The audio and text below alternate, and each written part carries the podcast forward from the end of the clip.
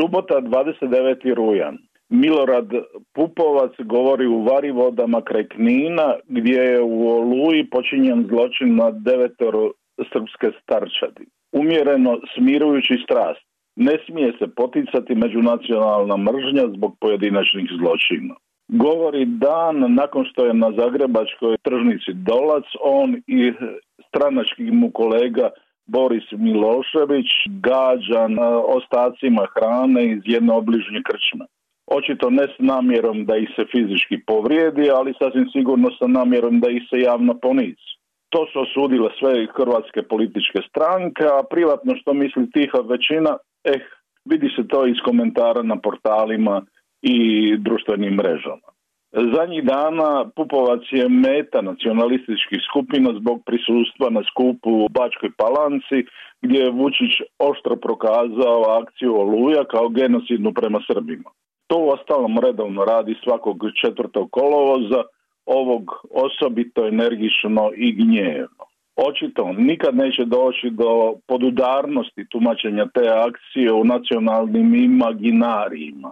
Za Hrvate će to uvijek biti legitimna vojno-policijska akcija kojom je uspostavljeno teritorijalno jedinstvo zemlje. Uostalom kao Dalmatinac znam kako sam mukotrpno putovao iz Zagreba u Zavića i kako je Dalmacija bila praktično odjeljena od sjeverne Hrvatske. Za Srbe će pak to uvijek biti akcija koja je dovela do njihova masovnog egzodusa.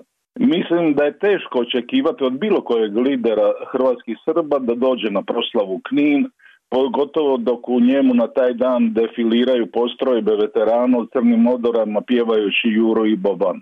Čak i legitimno izabrani predstavnici hrvatske političke vlasti imaju problema sa reagiranjem te agresivne gomile kojoj nitko nije dovoljno državotvoran pa ni aktualni premijer Plenković, inače čelnik HDZ-a da Mesića, Josipovića i Milanovića ne spominje. Na večer u HNK završna predstava festivala svjetskog kazališta. Richard III u izvedbi njemačkog kazališta Šaubine i režiji Tomasa Ostermajera. Fascinantna predstava, čudesni glumački ansambl.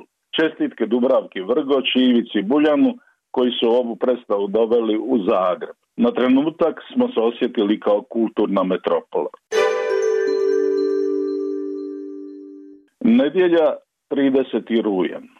Slušam na televiziji N1 raspravu ginekologinje Jasenke Grujić-Koračin, pobornice prava na izbor i druge strane predsjednice Hrvatskog pokreta za život i obitelj Katarine Kovačević, protivnice prava na pobačaj protivnica pobačaja naravno stalno tvrdi kako je Hrvatska katolička zemlja. Zapanjuje me njezino nepoznavanje biologije, medicine, prava. Uzalud njoj svi racionalni argumenti. Dobro, neuka je, ali ne bi bilo ništa drugačije da je umjesto gospođe Kovačević sjedio obrazovani vice Batarel. Fanatiziranost i ignorancija, nauk katoličke crkve ima se provoditi nad svim građanima bez obzira na to jesu li vjernici ili ne. Ma kakav sekularizam. Zanimljivo, sve je veći broj ginekologa koji se u ime priziva savjesti odbijaju baviti prekidima trudnoće. Dakle, nečim što je javno zdravstvo dužno pružiti kao mogućnost, bar po postojećem zakonodavstvu. Sutra će tu biti i potpomognuta trudnoća koju crkva također ne odobrava. Nije mi jasno zašto takvi liječnici odabiru baš specijalizaciju iz ginekologije ako znaju da je dio te struke povezan sa nečim što njihova savjest ne prihvaća. Dobro, kažu mnogi da ti sa prizivom savjesti istodobno upućuju pacijentice na privatne klinike u kojima i sami rade, čak su im i vlasnici gdje se zahvat puno skuplje plaća i gdje očito ne postoji problem nečiste savjesti. Ponedjeljak, prvi listopad. Dan kad službeno stupa na snagu Istanbulska deklaracija o zaštiti žena od nasilja. Dok je u susjednim zemljama regije prihvaćena bez otpora, neko se ovdje zafrikava da bošnjacima nije bila sumnjiva jer dolazi iz Istambula. U Hrvatskoj su takozvani konzervativci predvođeni katoličkom crkvom pokrenuli strastvenu kampanju protiv prihvaćanja deklaracije. Jer kao preko deklaracije radikalni feministički krugovi infiltriraju rodnu ideologiju stranu hrvatskom nacionalnom biću. Čak su protivnici deklaracije u medijskim diskusijama pokušavali uvjeriti javnost kako deklaracija potpuno briše prirodne granice među spolovima, pa će uskoro muškarci koji se osjećaju kao žene ulaziti u ženske separe u WC-ima. Na tom se pitanju gotovo raskolio vladajući HDZ. Plenkovića struja morala se osloniti na glasove SDP-a kako bi u Saboru progurala prihvaćanje deklaracije. Radikalna desnica to poniženje Plenković još nije oprostila.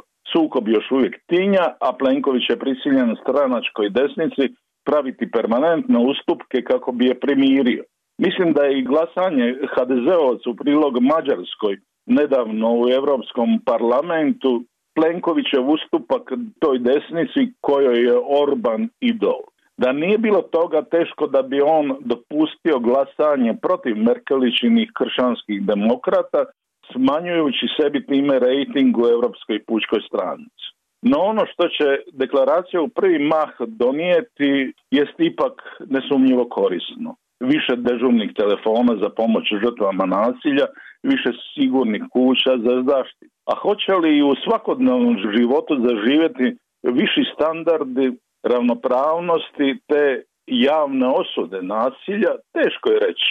Jasno je samo da se vrlo konzervativna Hrvatska katolička crkva zapravo dubinski opire ideji ravnopravnosti. Čak i njezini vrlo utjecajni teolozi pišu o drugotnosti žena, čija je uloga prije svega vezana za materinstvo i kuću, da budu oslonac svome čovjeku. A u samoj crkvenoj hijerarhiji nezamislivo je da bi žene mogle dobiti istaknuti status, recimo postati biskupi ili bar dobiti pravo služenja mise i ispovjedanja.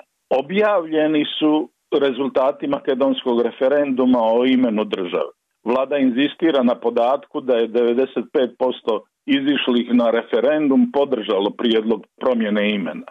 I kako je to lukavo i sugestivno formulirano pristupanju države Europskoj uniji i NATO. Dobro, vrata za NATO su im već otvorene. Tu neće biti problema jer Zapad se pribojava da bi Putin mogao penetrirati u taj prostor, ali dug je put do Europske unije, pogotovo u sadašnjoj situaciji kriza Unije i rastak semafobne desnice u svim zemljama Europske unije. VMRO pak rezultat slavi kao pobjedu tumačeći malu izlaznost kao znak otpora bilo kakvom kompromisu oko imena. Eh, taj višak nacionalnog, točnije nacionalističkog ponosa koji se pojavio sa zakašnjenjem u odnosu na druge balkanske državice, doveo ih je do toga da im prijestolnica koji su 60 planirali ponajbolji svjetski i jugoslavenski arhitekti i urbanisti nakon razdoblja VMRO-ove vlasti nalikuje na kitinjasti Disneyland. Doista, koliko suvremeni Makedonci imaju etnogeneske veze sa antičkim Makedoncima. Hm, doduše ni suvremeni Grci nemaju baš puno više. Utorak, drugi listopad. Takozvana SMS afera u Hrvatskoj produbljuje se. Nacional objavljuje danas kako je potpredsjednik HDZ-a i Sabora Milijan Brkić pred sedam godina s visoke policijske pozicije dilao informacije s vodnicima i prostitutkama nad kojima je vođena istraga. Time je podignut intenzitet pritiska na Brkića, kojega mnogi doživljavaju kao predvodnika stranačke desnice s kojom je Plenković u sukob. Još prije Brkić je optužen kako su njemu bliski ljudi SMS-ovima obavještavali Franju Vargu, bivšeg policijskog službenika kompjutoraša, optuženog za krivotvorenje SMS-ova koji su trebali poslužiti Zdravku Mariću u obračunu sa Dorhom. Sve to povezano s prosvjednim skupom desnice u Vukovaru, očito usmjerenom na potkopavanje Plenkovića i njegove politike suradnje sa Srpskom demokratskom strankom Milorada Pupovca. Ako je to sve igra koju doista vodi Plenković, pokazuje se da on nije nimalo svilen ni anemičan, kako ga znaju ironizirati. Briselski čato, kako ga podrugljivo zovu, Bog me zna jako dobro kako se vodi politika i kako se obračunava sa protivnicima na Balkanu. Valja imati na umu da je preko svojih ljudi neutralizirao sve veteranske udruge koje su odustale od podrške Vukovarskom mitingu. Manirom iskusnog pokeraša Plenković hladno ne otkriva svoje karte, ne ulazi u otvoreni sukob. Sa jedva primjetljivim ironičnim osmijehom ravnodušno poručuje. Mediji rade svoj posao, a ja ću razgovarati sa Brkićem. Netko je duhovito primijetio na fejsu kako sukobi u HDZ imaju sve odlike napetog trilera, čak i filma katastrofe, dok su oni u SDP-u mlaka modernistička zmešancija režirana sporo u stilu beletara. Srijeda, 3. listopad. Brkić i dalje negira svaku svoju krivicu, u najmanju ruku ipak je u problemu. Karijera mu je upitna, čak i ako izbjegne sudski proces. Plenkoviću to omogućuje da ne ide s jakim iskazima u javnost, ne trebamo otvoreni sukob, govori mirno kako očekuje da će Brkić da uspjeti dokazati kako nije kriv, više od toga mu ne treba. Pobunjena stranječka desnica s takvim liderom je nemoć. Nikakav vukovarski miting ne može joj pomoći. Premijer pred novinarima pobjednički demonstrira koliko je opušten, govori sa superiornom ironijom jednoj novinarki koja mu postavlja pitanje odgovara da je slatka. Naravno, novinari se bune, a to je paternalizacija, dominacija, ironizacija i to još nad ženom. Nije to Plenkoviću trebalo. Vjerojatno je on želio da se to tumači kao dobrohotna ironija, ali kad je izrečeno iz pozicije moći, javnost takav čin s pravom percipira kao bahatost. Poslijepodne govorim na promociji Rade Jark, zanimljiv roman Suha palma. Jarak je obrazovanjem slikar, ali u zadnje vrijeme se potpuno prebacio u književnost, objavio ukupno čak dvadesetak knjiga, od kojih čak 12 romana, a tek mu je 50 godina. Najnoviji roman obuhvaća povijest jedne zubrovačke ljubavi koja započinje i naprasno se prekida u 50. godinama prošlog stoljeća, potom protagonisti lutaju svijetom prolazeći razne avanture, susreću se ponovo u 80. u Dubrovniku i kad se čini da će roman završiti happy endom, ponovo dolazi do raskida i protagonisti se ponovo raspu svijetom. Komplicirana, ali brižljivo organizirana kompozicija, jake strasti, istraživanje mutnih strana, seksualnosti, privlačnost avanture, jarke boje. Dok sam čitao, nametale su mi se usporedbe sa magijskim realizmom ili pak sa Almodovarovim filmovima.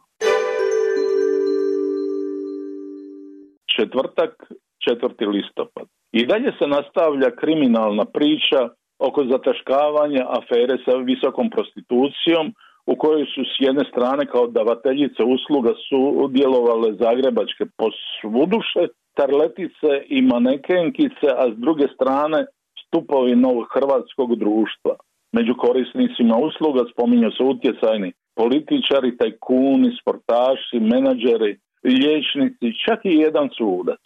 Više manje je nesumnjivo da je netko s visoke policijske razine sabotirao istragu i upozorio involvirane. S druge strane, sudstvo je onemogućavanjem prisustva javnosti na suđenju spriječilo da se dozna naličje života aktualne poslovne, političke i estradne elite. Nekolicina aktera iz redova davatelja, odnosno davateljica usluga, kažnjena je uvjetnim kaznama i povratom zarađenog novca. Zapravo smiješnim s obzirom na cijenu usluga koje su naplaćivane. Pojeo Vuk Magare. Danas novoizabrani glavni državni odvjetnik e, Dražen Jelinić izvještava novinare da je čitav predmet nestao iz arhive.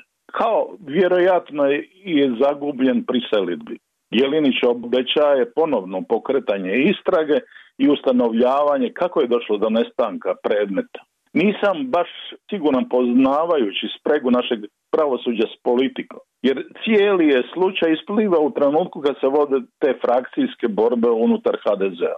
Budući da je već dosadašnjim otkrišima Brkić pritisnut, pitanje je hoće li oni koji igru vode odlučiti da ga se do kraja zgazi. i koliko bi to destabiliziralo samu stranu. Nije li korisnije imati u stranci pacificiranog Brkića nego otvorenog neprijatelja s jakim uporištom u stranačkoj bazi koju on zadnjih godina čeličnom rukom organizirao i nadzira. Osim toga treba imati na umu da njegovim podupirateljima kriminalna reputacija baš i ne smeta previše. Naravno, sve to do zla Boga za udara, dno dna, ali to je vođenje politike na hrvatski pa i balkanski način. U 14 sati odlazim HTV, nastupam na četvrtom programu, urednik Denis Latin me pozvao na razgovor o hrvatskoj Wikipediji. Već godinama se naime u medijima pojavljuju članci s upozorenjima kako tekstovi u hrvatskoj verziji te svima dostupne internetske enciklopedije su duboko ideologizirani, čak otvoreno ustašofil. Leksikografija je moja profesija. Od svoje 25. godine urednik sam u Leksikografskom zavodu, bio sam glavni urednik Krležijane i Hrvatske književne enciklopedije i sudjelovao u uredničkim kolegijima enciklopedije Jugoslavije, Hrvatske enciklopedije i Finske enciklopedije. Reklo bi se da sam prekaljen enciklopedičar. S jedne strane pojava Wikipedije me rastužuje, jer klasična papirnata enciklopedistika gubi bitku i u nas i u svijetu. S druge strane, zapravo živimo u doba kada enciklopedijski duh triumfira cijeli je internet jedna golema univerzalna enciklopedija. U početku je Wikipedia kvalitetom bitno zaostajala za klasičnim papirnatim enciklopedijama koje su u međuvremenu se pokušavale više ili manje uspješno prilagoditi novom kompjutorskom dobu. Ideja da sami korisnici volonterski pišu enciklopedijske tekstove te izostanak temeljite redakture u pečatnoj su fazi ozbiljno hendikepirali Wikipediju. Danas, međutim, engleska ili njemačka verzija Wikipedije kvalitetom tekstova koji pišu vrhunski sveučilišni autoriteti ozbiljno konkurira klasičnim enciklopedijama,